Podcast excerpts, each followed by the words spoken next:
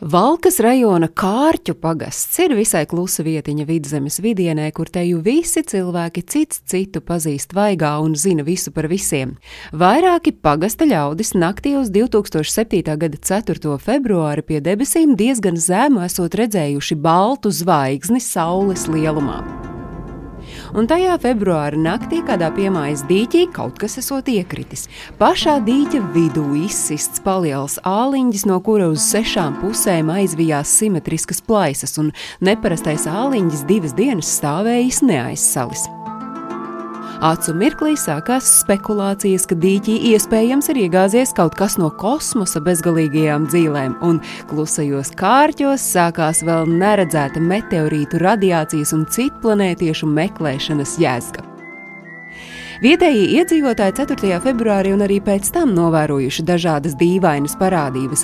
Kāda jaunieta apmēram 2,5 km no dīķa esot redzējusi nelielu spožu objektu ar sudrabainu apli apkārt. Savukārt cits cilvēks pagastā, bet citā datumā dīķa pusē redzējis gaismas stabu. Cilvēki sākotnēji saviem novērojumiem nav pievērsuši uzmanību, taču uzzinot par dīķī radušos neparasto āliņģi, sasaistījuši redzēto ar iespējamo kosmiskā objekta nokrišanu. Dīvainais āliņģis radies ļoti spēcīga trieciena dēļ. Objekts, kas radījis caurumu ledu, noteikti esot iekritis no liela augstuma. Tā toreiz sacīja Ziemeļvidzemes biosfēras rezervāta ģeologs, bet bez pamatīgākas izpētes nav varēts pateikt, vai objekts būtu atceļojis no kosmosa vai no Zemes atmosfēras. Ik pa brīdi nokrīt kāds meteors, un ļoti iespējams, ka tā arī ir noticis kārķos. Lai varētu droši apgalvot, ka patiešām dīķī iekrita kaut kas no kosmosa, tas būtu jāizvelk un jāpārbauda. Tā savukārt tolaik skaidroja Latvijas astronomijas biedrības pārstāvis. Viņš arī stāstīja, ka meteorīti Zemes atmosfērā ienāk ar milzu ātrumu un sadeg, caur atmosfēru parasti izlaužas tikai atlūzas, kas ir aptuveni dūres lielumā, un šie meteori Zemē izveido par sevi trīs reizes lielākus krāterus. Starp citu, atklājās, ka augstrozē arī vairākos dīķos atrasti līdzīgi caurumi ledū.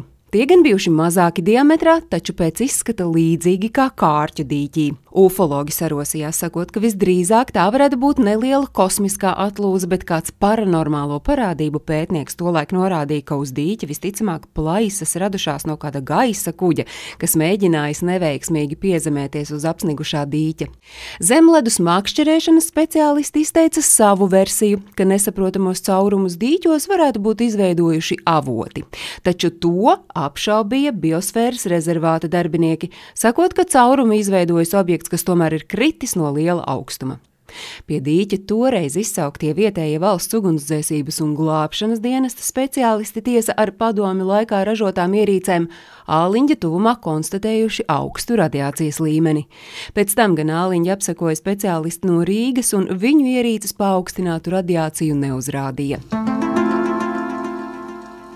Pats dīķis bija privātīpašums, un tā saimnieks nebūtu nepriecājās par to, ka viņa ūdens tilpe tagad izpelnījusies tādu plašu uzmanību. Viņš žurnālistiem esot teicis, ka āliņģi ar lodlampu izsvilinājis, lai pabiedētu sievu un sievas māti. Tikmēr dīķa saimnieks noalgoja ūdenslīdēju, kurš centies ūdenstilpē atrast nezināmo, iespējams no kosmosa nokritušo objektu.